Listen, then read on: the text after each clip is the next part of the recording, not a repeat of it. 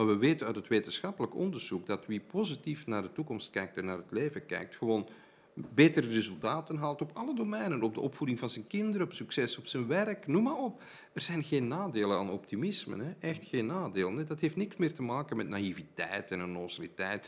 We weten dat optimisten gewoon langer leven, gelukkiger leven. Waarom zouden we alleen langer leven als we niet gelukkiger willen leven? Leuk dat je kijkt of luistert naar weer deze nieuwe aflevering van de Podcast of Hoop. Vandaag hebben we in de studio Leo Bormans en Kadir Naderi. We gaan het hebben over Kadir's indrukwekkende verhaal en hoe hoop de belangrijkste voorwaarde is voor geluk. Podcast of Hope, moving towards happiness. Nou, leuk dat jullie er zijn. Ehm, ja, zoals misschien de kijkers niet weten, maar we zouden eigenlijk alleen u in de studio hebben, Leo Bormans. Maar wegens een spontane samenloop van omstandigheden ja, zi- zitten jullie, zitten jullie nu met z'n tweeën. Ehm, maar zoals jij zei, jullie verhaal dat sluit goed aan elkaar aan. Ja. Ehm, Ja, ik, eh, ik reis de wereld rond om, over, om onderzoek te doen rond geluk en hoop. En ik heb al zoveel boeken geschreven die in zoveel talen vertaald zijn. En ik zie 30.000 mensen per jaar in de zalen. En dan komt er plots in ons dorp een vluchtelingenkamp met 500 vluchtelingen. En eh, een groot protest en gedoe. En op de dag dat de vluchtelingen arriveren gaan mijn vrouw en ik op de hoek van de straat kijken. Waar zijn de vluchtelingen? En daar zie ik een papa, mama en twee kindjes staan. En ik ga ze naartoe en ik zeg... eh, Hello, are you refugees? Yes, I'm a refugee. Uh, where do you come from? Uh, yeah, I come from Afghanistan. Uh, how do you feel here? I I feel safe.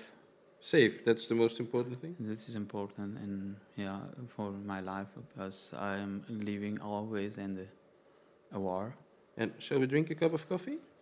Yes, if possible. Zo is onze ontmoeting begonnen. Ondertussen kan hij genoeg Nederlands om eh, zijn verhaal in het Nederlands te doen. En hebben we ook samen een boek geschreven, De Knikkers van Kadir, over zijn leven, maar ook over hoe hoopvol een mens in zijn leven kan staan, in, ondanks de moeilijke omstandigheden, gruwelijke omstandigheden.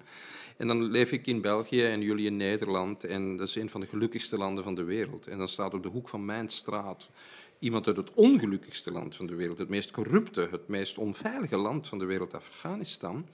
En eh, wij komen elkaar in het midden van die straat tegen. En ik heb de voorbije jaren veel meer geleerd van zijn verhaal dan uit al het onderzoek van naar geluk en hoop dat ik al gedaan had. En wij komen elkaar dus in het midden van de straat en in het midden van ons leven tegen. En we zijn de beste vrienden geworden. En eh, we hebben nu samen dat boek geschreven, De Knikkers van Kadir. En we spreken daarover, we geven lezingen, eh, we geven opleidingen. We, gaan, we hebben duizenden jonge mensen gezien in de scholen. En telkens eh, valt het op hoe zijn verhaal en mijn verhaal overlopen in ons verhaal. En dat is ook wat we met Hoop XXL zien. Dat je als mensen, ja, jullie hebben een verhaal en mensen hebben ieder een eigen verhaal. Het is in de verhalen dat we elkaar kunnen ontmoeten, verbinden en versterken. Niet zozeer in de feitenkennis. We weten natuurlijk allemaal wat er in Afghanistan aan de hand is, maar het raakt ons niet. Het, we weten ook dat mensen op zoek zijn naar geluk en hoop, maar het raakt ons zo weinig. Terwijl we mensen maar in beweging krijgen door emotie, door, door verhalen. En het idee dat wij nu samen eh, ervaren, is dat je eh, in de verhalen echt elkaar kunt ontmoeten, verbinden en versterken. We zijn niet alleen een lichaam en een geest, we zijn vooral ook een schatkist aan verhalen. ja. En wat zijn dan zoal dingen die je van zijn verhaal hebt geleerd? Heel veel, heel veel. Elke keer opnieuw. Hè. We, we waren bijvoorbeeld in de Efteling. Wa- Wat vond jij van de Efteling? Uh, jullie wonen, Efteling. Jullie wonnen in de Efteling, zegt. Jullie zijn dat vergeten. Jullie, eh, in uw eigen dorp is een vijver met, met, met, met waterlelies die open en dicht gaan. Ik ga daar joggen, ik heb daar nog nooit een mens gezien. En dan betalen jullie 45 euro om in de Efteling naar plastieke bloemen te gaan kijken die open en dicht gaan. Jullie wonen in de Efteling, maar jullie zijn dat vergeten. Nou, daar zit wel wat. Ja, daar zit zeker wat in, maar zo leer ik elke dag kijken door zijn ogen naar die wonderlijke wereld die we hebben. Wat heb jij in jouw leven bijvoorbeeld allemaal voor het eerst gezien toen jij in, in, in Europa aankwam? Uh, bibliotheek, school, uh, museum, uh, sporthal. Al- al- allemaal dingen die je nooit hebt- ervaren, De hè? eerste keer, ja. Dat is En als je nu met jonge mensen spreekt bijvoorbeeld, wel, wat is de boodschap die je aan jonge mensen wil geven? Uh, dikwijls als ik spreek uh, in de school, voor jongeren 16, 17 jaar oud, en uh, ik, ik zou zeggen, jullie hebben zoveel kansen, maar wat doen jullie? Uh, de, s- stel doelen en uh, probeer de doelen ge- uh, bereiken. Ja. Dat zijn allemaal dingen die wij in het onderzoek zien, maar die hij in zijn leven heeft nooit anders gekend dan oorlog. Hè. Alleen de jonge mensen vragen dikwijls aan hem, waar zijn jouw vrienden? Maar die zijn allemaal dood. Die zijn allemaal gevlucht en vermoord. Ehm, en als je dan in, met zijn ogen naar onze wereld kijkt, dan zien we, we zien het geluksonderzoek, dat COVID Um, United World Report on Happiness, het meest recente, leert ons dat er twee positieve eigenschappen zijn toegenomen tijdens COVID wereldwijd. En die eigenschappen zijn dankbaarheid en vriendelijkheid. Mensen zijn dankbaarder geworden voor wat er is in plaats van te klagen over wat er niet is. En mensen zijn vriendelijker geworden voor elkaar. We misschien zie je ook polarisering en verder toenemen, maar je ziet ook in de straten, als je met mensen spreekt en je kijkt, ze zijn vriendelijker geworden en ze zijn dankbaarder. En dat zijn eigenschappen die ik ook van hem leer. Van, kijk, op die dankbare manier naar die samenleving die er is. Jullie maken zoveel kapot door te klagen en te zagen in plaats van te focussen op wat er is. En hoop te blijven hebben um, door, door te focussen op, op grote dromen. Ik leer bijvoorbeeld van hem, omdat u mij ook vraagt, wat leer ik van hem? Is, um, welk verhaal vertelde jouw moeder bijvoorbeeld altijd aan jou? Nou, mijn moeder vertelt het verhaal van Rostam. Rostam was een held hij vecht tegen de olifanten, tegen de dragen, tegen de tijgers. Hij maakt de hele wereld veilig. En uh, hij heeft een zoon, een waarom, waarom, waarom, vertelt jouw moeder die verhalen aan jou, denk je? Want je had geen boeken, hè? Je, bent, je, hebt, je bent niet naar school geweest, je kon niet lezen of schrijven. Uh, nee, maar waarom is... vertelde jouw moeder die verhalen aan jou? Mijn moeder vertelt eh, verhalen. Oh, ja, we wonen in een tijd van de oorlog. Ja, ik ben geboren in een oorlog. Het was een vreselijke tijd. En, en mijn moeder vertelt die verhalen. Dat is, uh, we moeten krachtig, uh, kracht krijgen en krachtig zijn in tijd van de oorlog. Hoop geven, kracht geven. En dan, uh, om, ja, het was heel moeilijk leven in tijden van de oorlog. En dat feit dat jij eigenlijk groot geworden bent met enorme verhalen die in jou zitten, hè, die, die die kracht uh, geven van, die in jou zitten, dat is eigenlijk wat hoop is. Hè. Wat hoop met ons binnenbrengt, is niet iets dat van buitenaf komt, maar dat van binnenaf komt. Hè. En die hoop kan je op heel veel manieren uh, binnenbrengen, maar het zijn de verhalen. Het zijn de verhalen die zo sterk zijn. En ik heb vier jaar gevochten voor zijn leven om hem erkend te krijgen. Hij is nu een erkende vluchteling. Hij is eh, vier keer het land uitgezet eh, met zijn hele gezin. Maar we hebben dat voorkomen. Uiteindelijk is recht geschied. Hè. En dat is ook een cruciaal ding, dat we leven in een rechtvaardige samenleving. Dat is, je kan niet gelukkig zijn als de rechten van de mens niet gerespecteerd worden, om maar iets te zeggen. Dat zijn basisvoorwaarden. En als je dan ziet dat hij niet heeft leren lezen of schrijven... Maar hoe heb jij Engels geleerd dan? Hoe konden wij elkaar, met elkaar in contact komen? Uh, ik heb het Engels geleerd van de oude krant van de Amerikaanse soldaten. Toen ik was werken met de Amerikaanse soldaten, ik zoek de oude krant en ik neem de oude krant... Uh, ja, overdag ik werk met de Amerikaanse soldaten en s'nachts uh, en s'avonds en s'nachts en lees Dat heeft ervoor gezorgd dat jij nu hier zit. Omdat als je geen Engels had geleerd, dan hadden wij nooit met elkaar in contact ja. kunnen komen. Dus je doet dingen zonder school, zonder onderwijs, vanuit binnenuit dat je denkt, hier is een weg, hè, hier is een weg die ooit mijn, mijn redding zal betekenen. Ik had ook zei, zo kleiner worden boek dan toen ik uh, de eerste boek uh, heb ik gekocht. Dus ik weet het, 50 uh, uh, Afghaanse, uh, dus in, in dollar. En dan ik heb het, uh, dit gekocht en was, de woorden, ik ken niet in Engels, dan ik voor, vertalen in kleine woordenboek. Zo heb ik geleerd jouw Engels. Jouw vader voerde nog andere verhalen aan jou op. Hè? Jouw vader heeft nooit willen vluchten.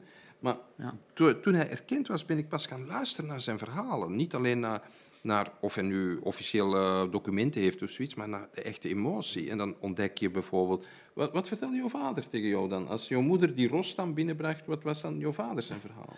Uh, de, toen, uh, toen, we waren in onze dorp, er is een uh, grote veld van onze ouders.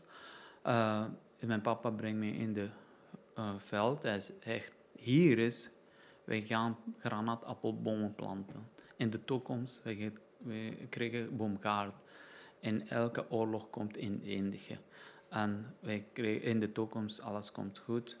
Eh, Maar de oorlog kwam niet goed. Hè? Je hebt alleen maar oorlog gekend, de Ja. Taliban, de Russen, je hebt dat allemaal meegemaakt. Maar toch hield jouw vader vast aan, hè, die granaatappelboomgaard gaan we planten. En dat is iets wat in zijn hoofd ook speelt. En nu heeft hij een volkstuintje bij ons in het dorp en is een granaatappelboom gaan planten. Eh, Hij, hij komt hier niet uit, want het werkt niet in Europa, een granaatappelboom.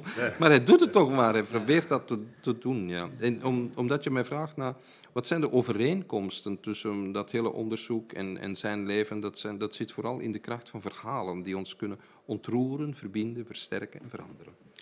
Ja, maar ehm, wat ik eigenlijk vooral hoor is dat inderdaad met die verhalen, hè, door middel van die verhalen, een, een mens in wat voor situatie dan ook, uit wat voor situatie hij ook komt, toch altijd een mogelijkheid heeft misschien gelukkig te worden. Ja. Ik weet niet, eh, ben jij nu gelukkig eigenlijk?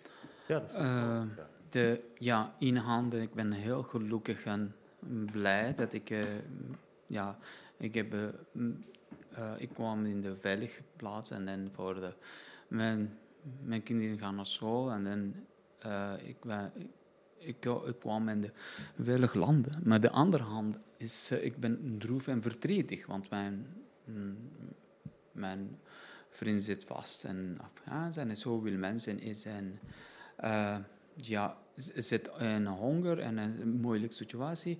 Ja, dat is, deze twee handen zijn deel van mijn lichaam. Ik voel blij, ik voel verdrietig. Maar dat, is een universele boodschap. Hè? Dat we zeggen, we hebben allemaal twee handen. De ene doet pijn en de andere, daar zit een beetje geluk in. Maar ze maken wel deel uit van onszelfde lichaam. Hè? Je kan niet met één hand. Het, het zijn twee handen.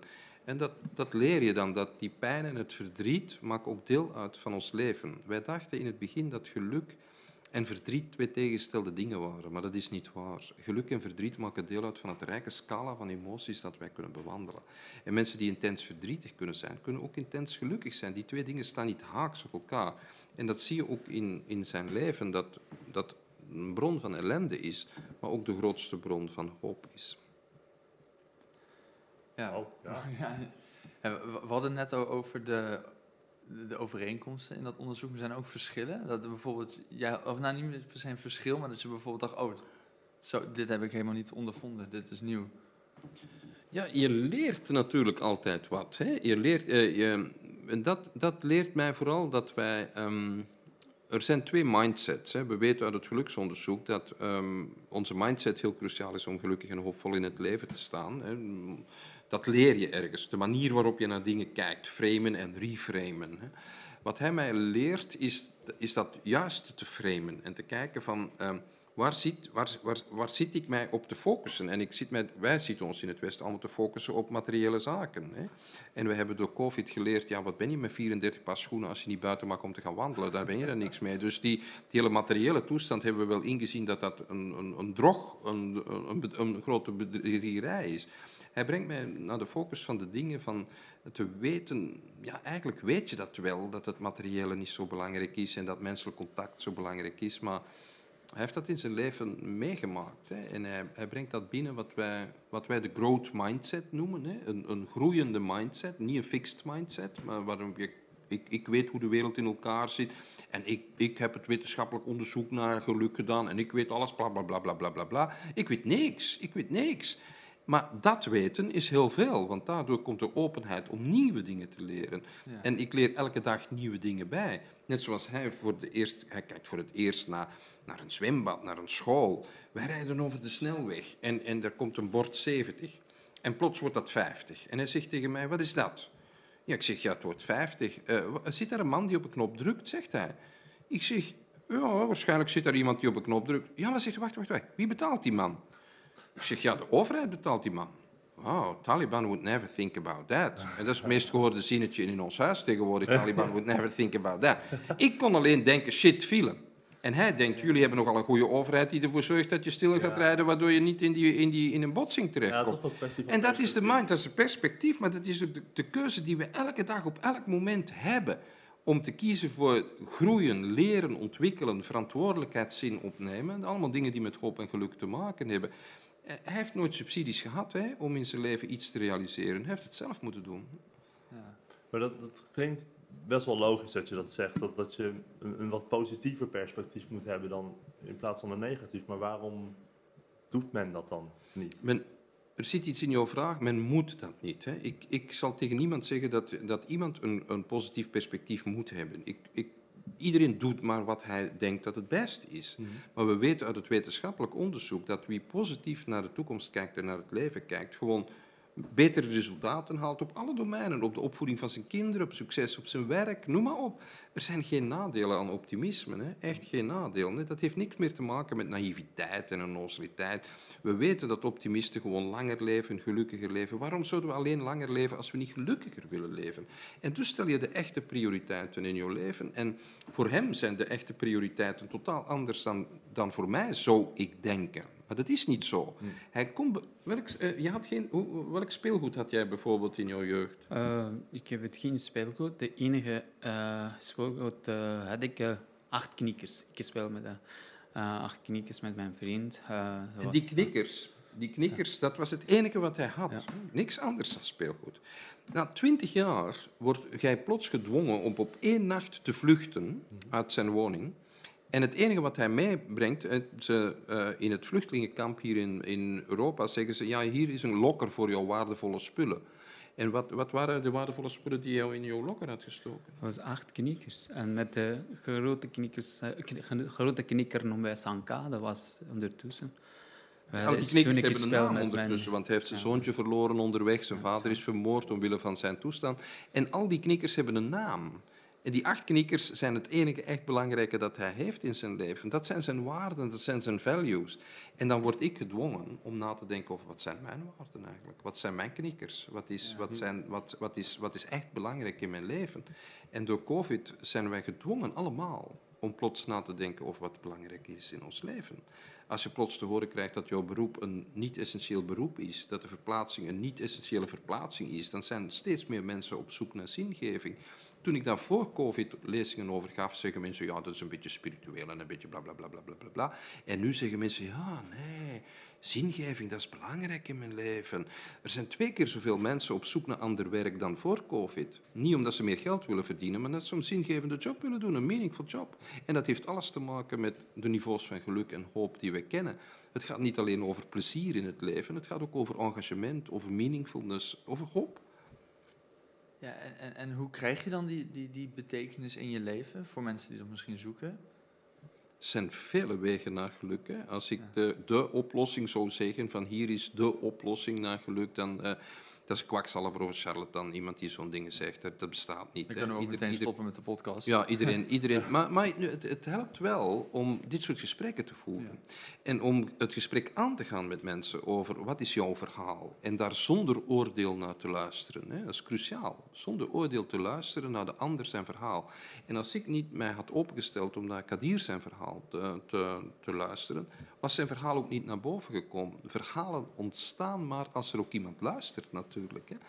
Want, want als jij dat pijnlijke verhaal van jouw leven vertelt, doet dat eigenlijk pijn eh, om dat te vertellen? Want het is een pijnlijk verhaal. Hè? Eh, eh, nee, ah, nee, als ik vertel aan de mensen, de mensen eens luisteren naar mij, dat is, doet mij niet pijn.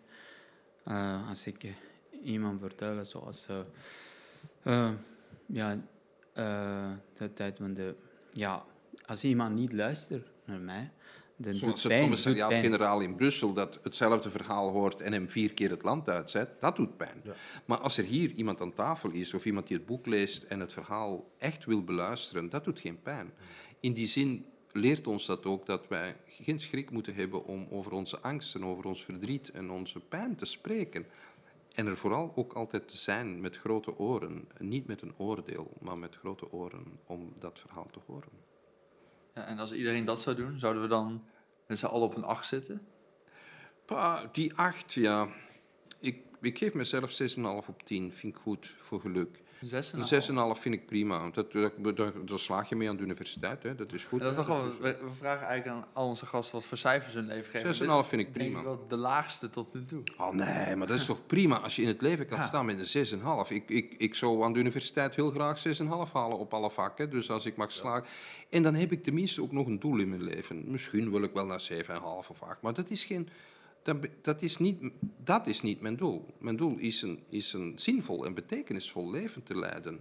Dat betekent niet dat ik elke dag met met ballonnen en met een auto door het land rijden of met eh, pluimen in mijn gat op de tafel staan te dansen. Dat hoeft helemaal niet. Nee. Plezier is, is maar een klein onderdeel van geluk. Hè. Het engagement dat we hebben, is, en dat, zien we, dat bedenk ik niet, dat zien we in het onderzoek heel goed.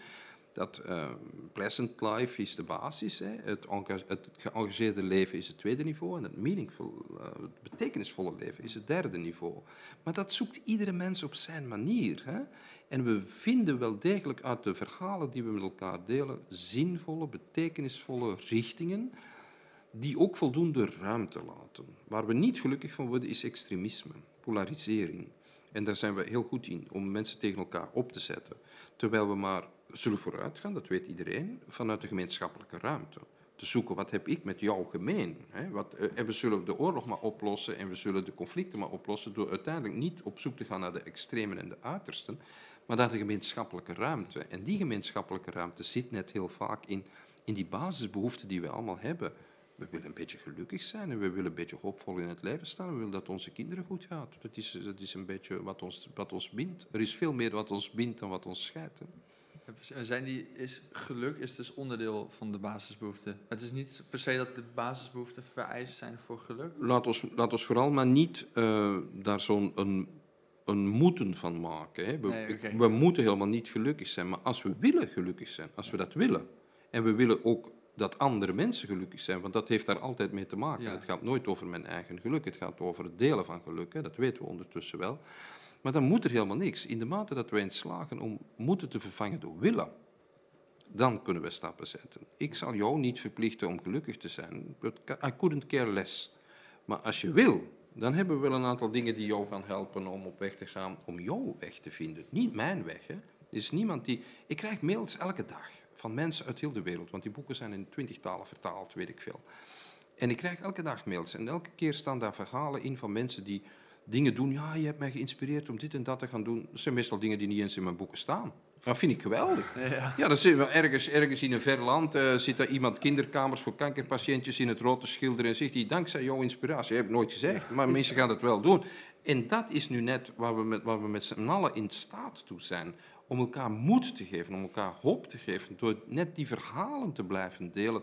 Wat jullie ook met die podcast doen en met die hele beweging die jullie hebben, is net mensen te laten inzien dat ze niet alleen zijn, dat ze niet onnozel zijn, dat ze niet belachelijk zijn. Want het zijn altijd die roepers en de, en de pessimisten die aan het woord Ja. komen. Maar er zijn veel meer optimisten in de wereld dan pessimisten. Dat heb ik niet bedacht, dat is gewoon zo. Maar alleen maken die pessimisten heel veel lawaai. Het wordt tijd dat de optimisten wat meer lawaai maken. En wat jullie doen, is net een stem geven aan, niet aan naïviteit, maar aan op, op, inzichten gebaseerde hoop die mensen kan inspireren om hun eigen weg te gaan. Niet mijn weg, niet jouw weg, maar hun eigen weg. Ja. Kan ik die vraag ook eh, omdraaien als in ehm, geluk kun je verspreiden, maar is misschien ook als je ongelukkig bent dat je dat verspreidt? Of is die vraag überhaupt te negatief om te stellen? Misschien helpt dat niet mee met hoop.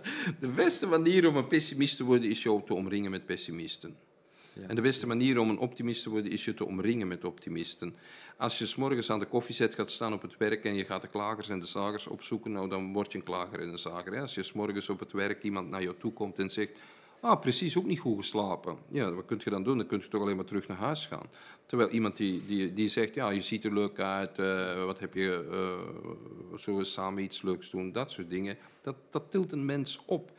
En we zien dat, dat is geluk en hoop zijn, werken als een virus. Hè. Dat, dat, dat is zeer besmettelijk.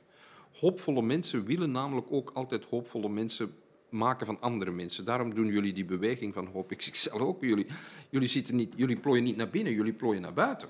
En dat is nu net wat hoopvolle mensen doen. Eh, gelukkige mensen gaan niet eh, op hun eilandje zitten, in een hangmat liggen en denken dat ze gelukkig zijn. Gelukkige mensen willen ook altijd bijdragen aan het geluk van andere mensen. En we hebben dat in heel recent onderzoek ook gezien bij heel jonge kinderen. Want hoe meet je nu het geluk bijvoorbeeld bij twee- of driejarigen? Hoe meet je dat? Je kan niet eh, plots eh, vragenlijsten gaan laten invullen. Maar wat ze, wat ze eh, observeren bij die hele jonge kinderen is happy signals. Wanneer gaan die bijvoorbeeld glimlachen? Wanneer gaan die geluidjes maken die positief zijn enzovoort? En dan zie je dat er bij hele jonge kinderen precies hetzelfde gebeurt in de hersenen als bij volwassenen. Namelijk dat wij allemaal gelukkiger worden van geven dan van krijgen. We zien dus kinderen die cadeautjes krijgen, worden minder gelukkig dan kinderen die een cadeautje mogen geven. En kinderen die een tekening hebben gemaakt, een knutselwerkje voor hun papa en mama, zijn twee keer zo gelukkig dan kinderen die een raceauto van hun vader krijgen om mee te gaan spelen. Dus we zien eigenlijk dezelfde mechanismen. En daarom heb ik ook al die boeken voor kinderen geschreven. Geluk voor kinderen. Er zijn meer dan 50.000 kinderen in Vlaanderen en Nederland die daarmee aan de slag gaan. Waardoor wij inzien dat wij eigenlijk niet kinderen moeten leren hoe ze gelukkig moeten zijn, maar dat wij van kinderen heel veel kunnen leren over wat hen gelukkig maakt.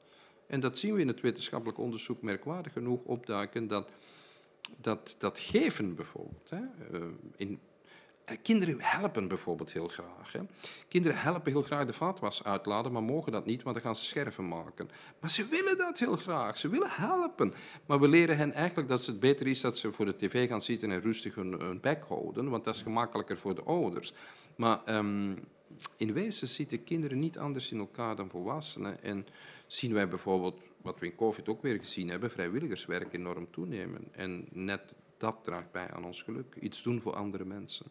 En is dat dan ook iets wat je kan leren vanaf, vanaf je kind zijn? Zij voor je, mag je ouders helpen met de vaatwassen inruimen. Eh, eh, Ontwikkel je dan tot een gelukkiger mens? Inderdaad, inderdaad. We, hebben, we hebben dat gezien in onderzoek. Dat we Um, positieve interventies noemen we dat. Hè? Hoe kunnen we mm, via kleine ingrepen mensen een beetje gelukkiger en hoopvoller maken?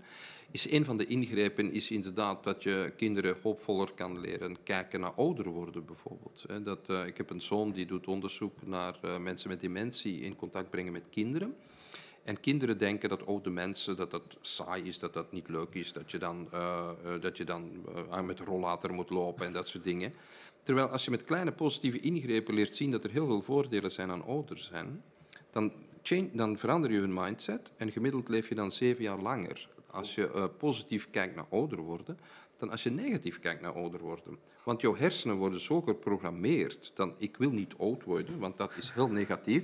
En dan ga je dus bijvoorbeeld dan ga je, niet, dan ga je uh, verslaafd worden, ga je uh, roken, ga je ongezond eten, want, want je vindt, jouw hersenen hebben toch gezegd dat oud worden niet leuk is. Maar een keer dat je, dat, dat je die mindset kan veranderen, hey, Oud worden is best leuk en we zien dat ook in al het uh, statistisch onderzoek, dat oude mensen gelukkiger zijn dan jonge mensen. Wij denken dat dat niet zo is, dat dat, dat, dat naar beneden gaat, maar dat is niet zo.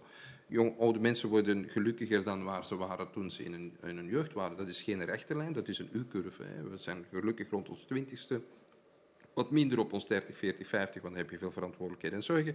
En dan komt dat weer op een niveau dat hoger was dan wat je was.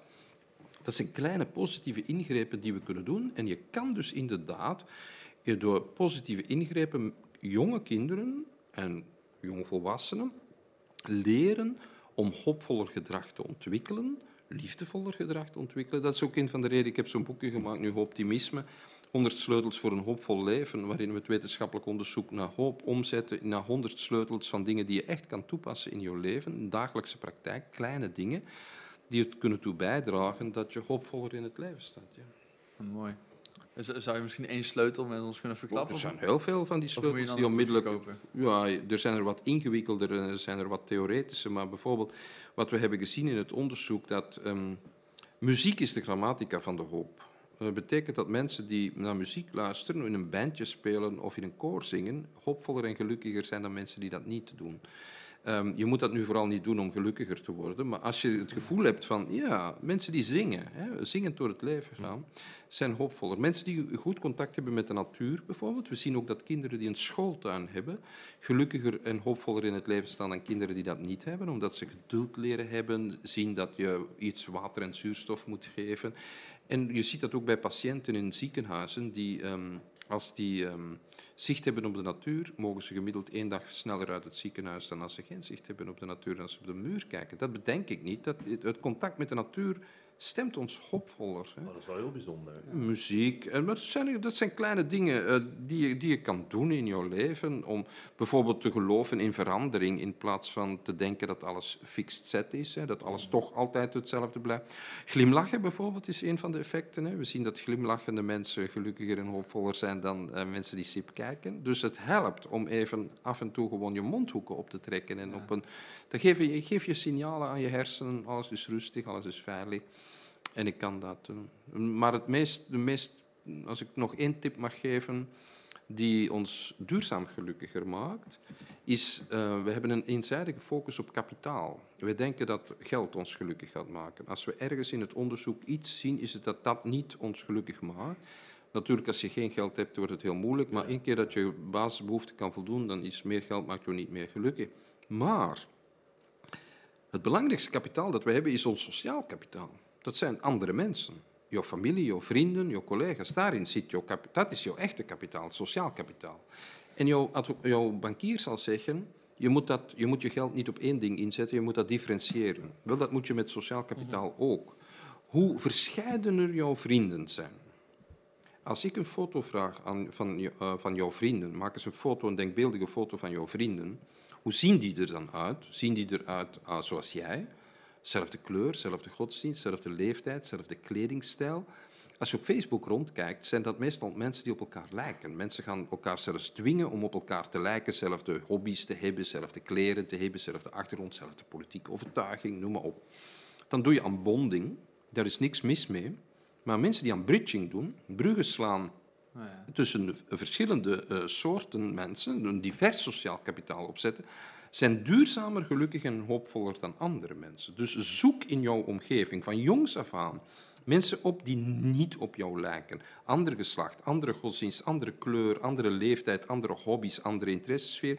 En je, je differentieert eigenlijk jouw mogelijkheden, jouw kansen.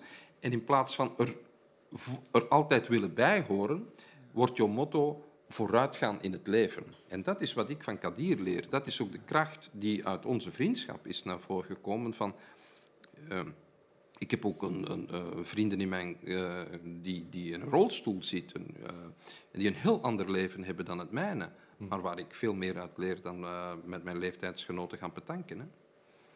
Ja, precies. Want anders kom je misschien ook in een soort van feedback loop. En nu... Ja, dan krijg je altijd gelijk. Je ja. krijgt altijd gelijk van je eigen groepje.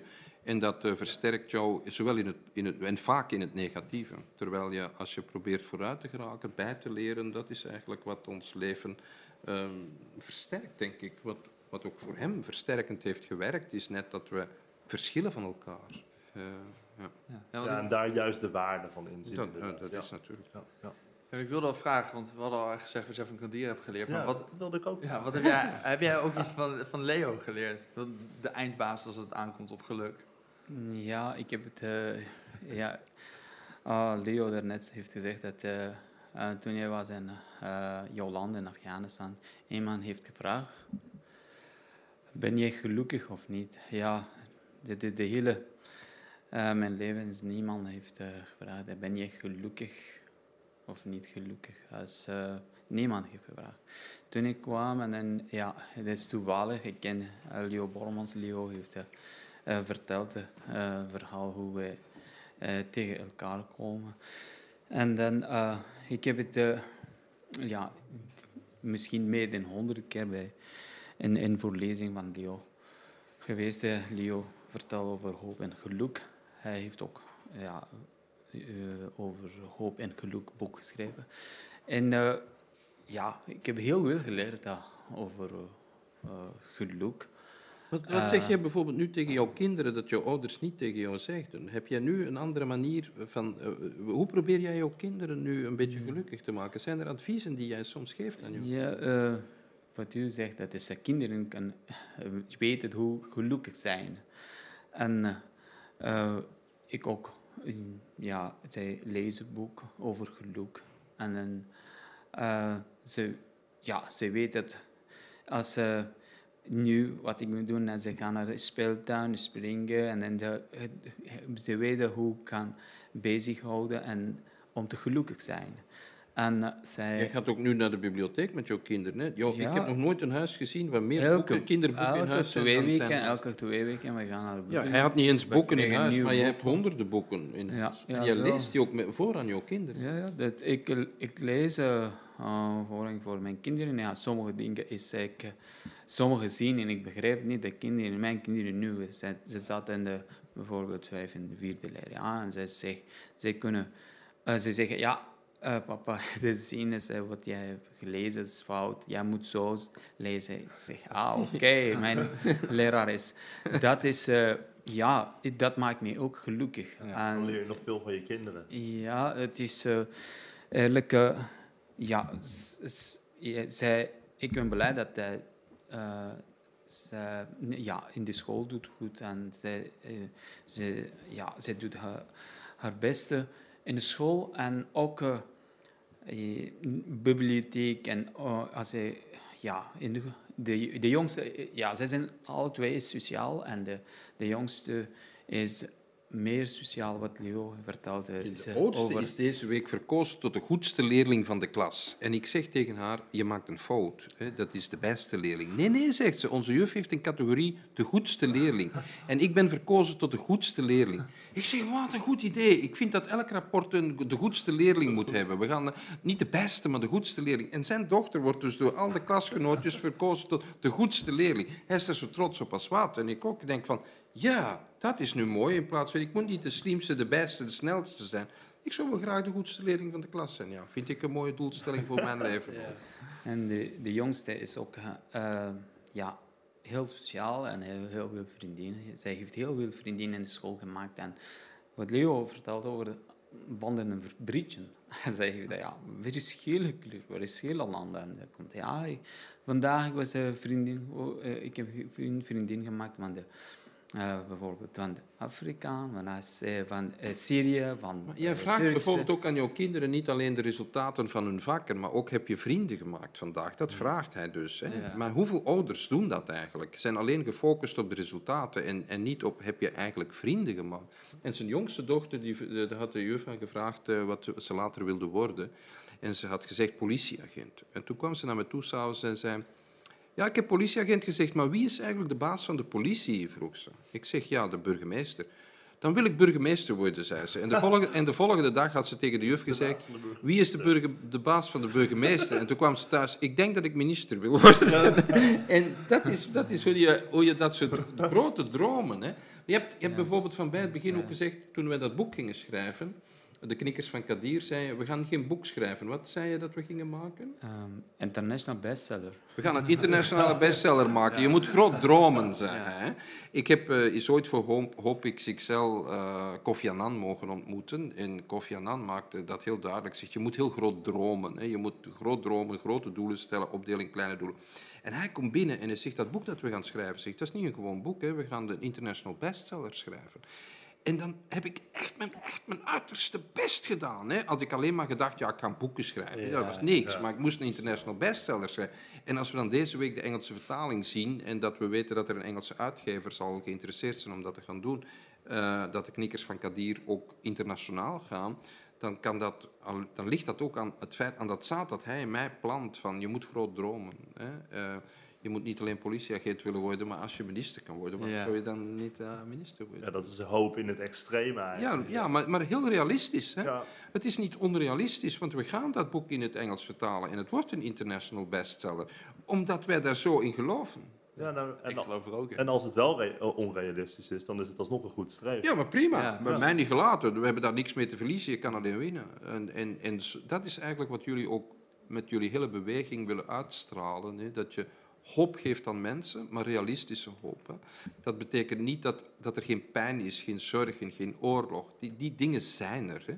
Maar we gaan ons niet laten drijven door angst, maar door het tegenovergestelde van angst. Het tegenovergestelde van angst is hoop. Hè? En hoop is dat mechanisme. Als we één keer inzien hoe dat mechanisme werkt. En daarom ben ik aan 100 wetenschappers gaan vragen uit 50 landen: wat is dat eigenlijk hoop? Hoe zit dat in elkaar? En als ik, daar, als ik het moet samenvatten in drie woorden, ehm, dan zijn dat deze drie woorden die in al het wetenschappelijk onderzoek terugkomen.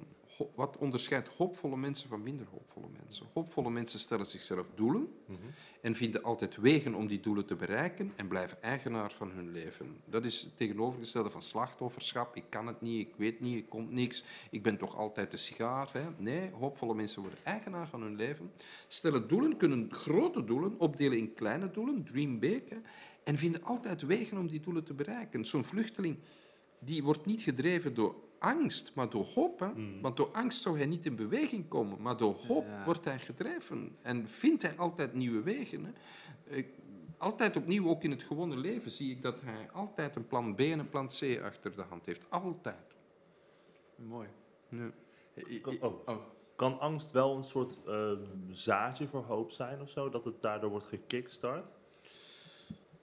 Wij zien nu in het onderzoek dat heel veel mensen angstig zijn geworden. Hè? Nog angstiger dan vroeger. hè. Ehm, mensen zijn ernstig bang over een jobverlies, over de oorlog, over covid, over ehm, het feit dat eh, alles duurder wordt. Men is, men is bang dat de toekomst voor de kinderen slechter zal zijn dan hun eigen leven. En dat is een reële angst. We moeten die niet weglachen. Hè? Het, het, het, het helpt nu niet om te zeggen je moet niet bang zijn. Er is voldoende reden om, ernstig, om je ernstig zorgen te maken. Maar dat betekent niet dat je niet hoopvol kan zijn. Want angst verlamt. Angst werkt paralyserend. Daar kom je niet buiten. Ik was in Libanon tussen twee bomaanslagen door bij 300 studenten in de positieve psychologie in de Universiteit van Beirut.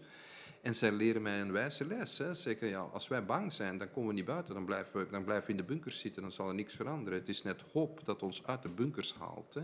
Het is, dat zie je ook met in Oekraïne gebeuren. Hè. Angst, angst brengt ons nergens. Hè. Angst is we- we- eh, gerechtvaardigd. Maar het tegenovergestelde zal ons pas in beweging brengen. Het is maar hoop wat ons in beweging brengt. Hoop is optimisme met opgestroopte mouwen. Ja, ja. Dat is zo'n cruciaal zinnetje uit het onderzoek. Hè. Hoop is optimisme, sleeves rolled up, l'espoir sur optimisme avec les manches retroussées. Ik moet dat in al die talen kunnen zeggen. maar, maar, maar hoop is optimisme op mouwen. Je komt in actie. Je gaat dingen doen. Als je alleen maar hoopvol bent, dan er is een verschil tussen... Dat is dan een wens. Als je een wens, als je zegt... Ik, eh, ik wens dat de wereld eh, beter wordt en je doet daar voor de rest niks Ja, mee.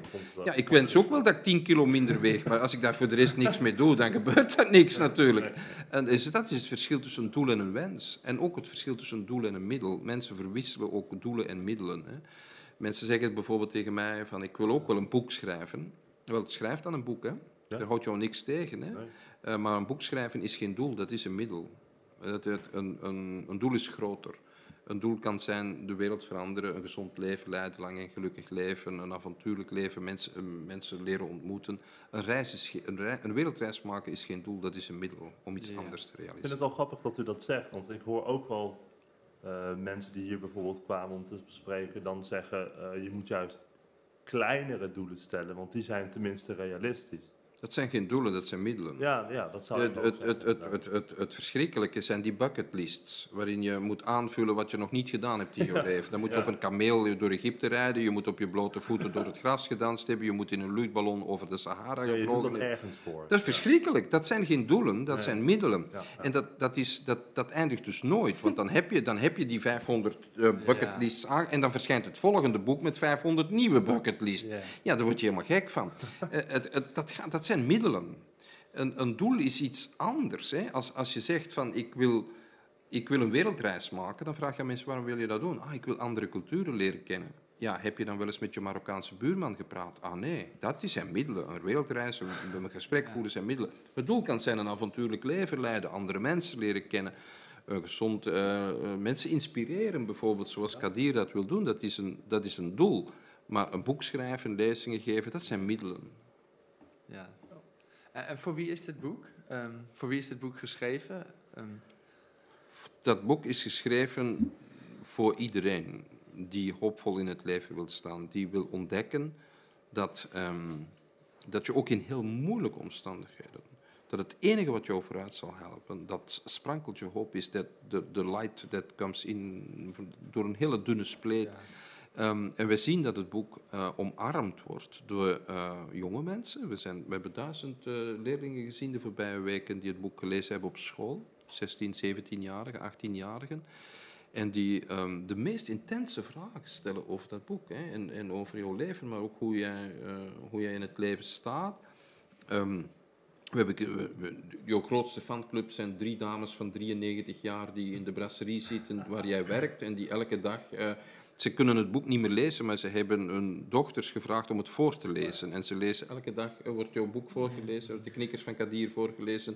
Aan drie dames van 92 en 93 jaar, Ja, die helemaal jouw grootste fanclub zijn. Hè? Maar ze Ja, kunnen het ja. zelf niet meer lezen, maar ze, ze pinken elke dag een traan weg, omdat hun dochters het komen Het voorlezen. boek valt wel in de smaak, dus hoor ik al. Het is door de Nederlandse Taalunie ook eh, uitgeroepen eh, pas als een voorbeeld van een rijke tekst. En eh, toen ik dat hoorde, eh, het- daardoor wordt ook aanbevolen in alle scholen in Vlaanderen en Nederland, Ehm, toen, sindsdien durf ik mij een schrijver noemen. Eh, voor, voordien noemde ik mij geen schrijver. Jij noemt mij ook geen schrijver. Hè? Toen we dat boek aan het schrijven waren, hoe noemde je mij eigenlijk? Ah, schrijnwerker. Waarom schrijnwerker? Ja, ik zeg de dag en nacht toen we waren eh, een boek schrijven. En dan, ik heb het gezegd dat ik breng hout voor jou. U maken tafelen en stoelen.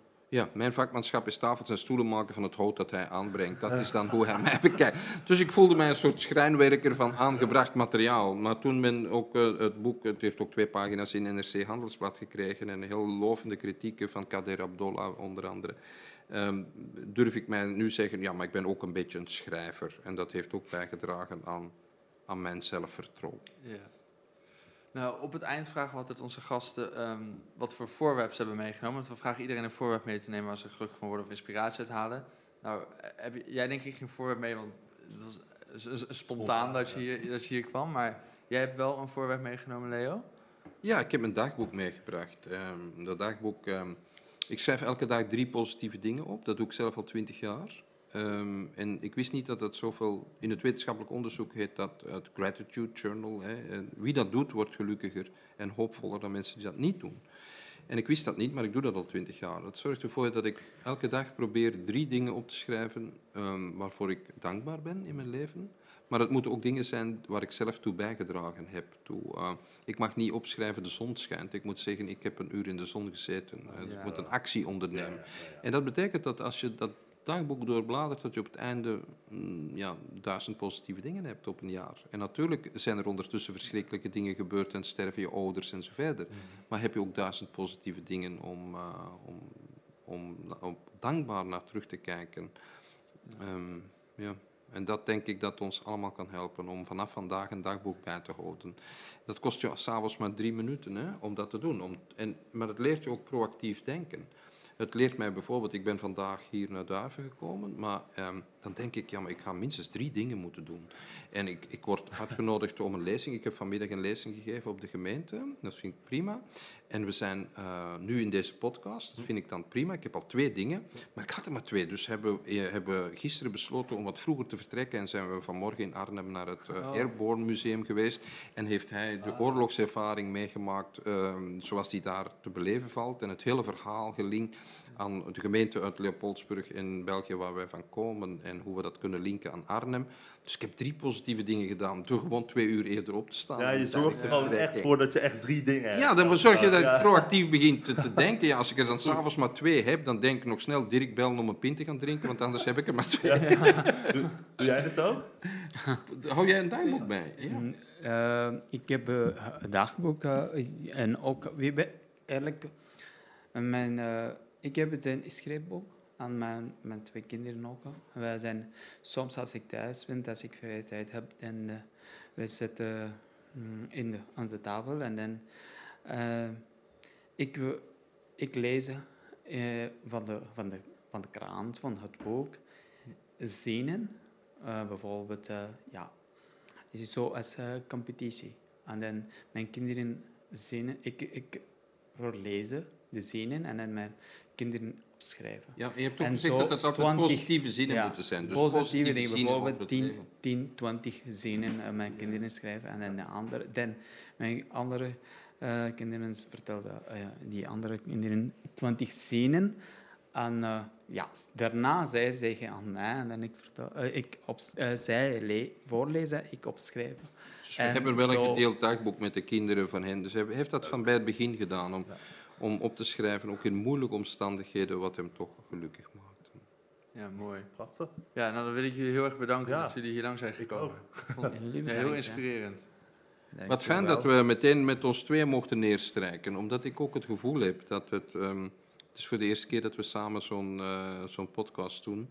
Maar ik heb het gevoel dat um, mijn verhaal vanuit wetenschap en onderzoek um, niet parallel loopt, maar heel mooi samenloopt. Ja, en ja, overvloeit in het verhaal dat hij heeft, um, dat hij doorleefd heeft. En ik ben in mijn leven heel dankbaar dat ik hem ben tegengekomen en dat hij mij die wijze lessen leert. Maar ik weet ook van hem dat hij dankbaar is dat we elkaar zijn tegengekomen. Dus dat geeft ook wel een gevoel. Precies. Ja, nou, heel erg bedankt. Bedankt voor het kijken of luisteren naar deze aflevering van de Podcast of Hoop. We hopen dat je ervan hebt genoten of misschien wel geïnspireerd door bent geraakt. Iedere zondag om 10 uur komt er een nieuwe aflevering online op YouTube, Spotify en op al je andere favoriete podcast-apps. Ook kun je ons vinden op www.podcastofhoop.nl. Tot ziens en veel geluk! De wereld waarin we leven biedt nog geen gelijke kansen. Voldoende eten en drinken. Een adequate opleiding. Goede gezondheidszorg.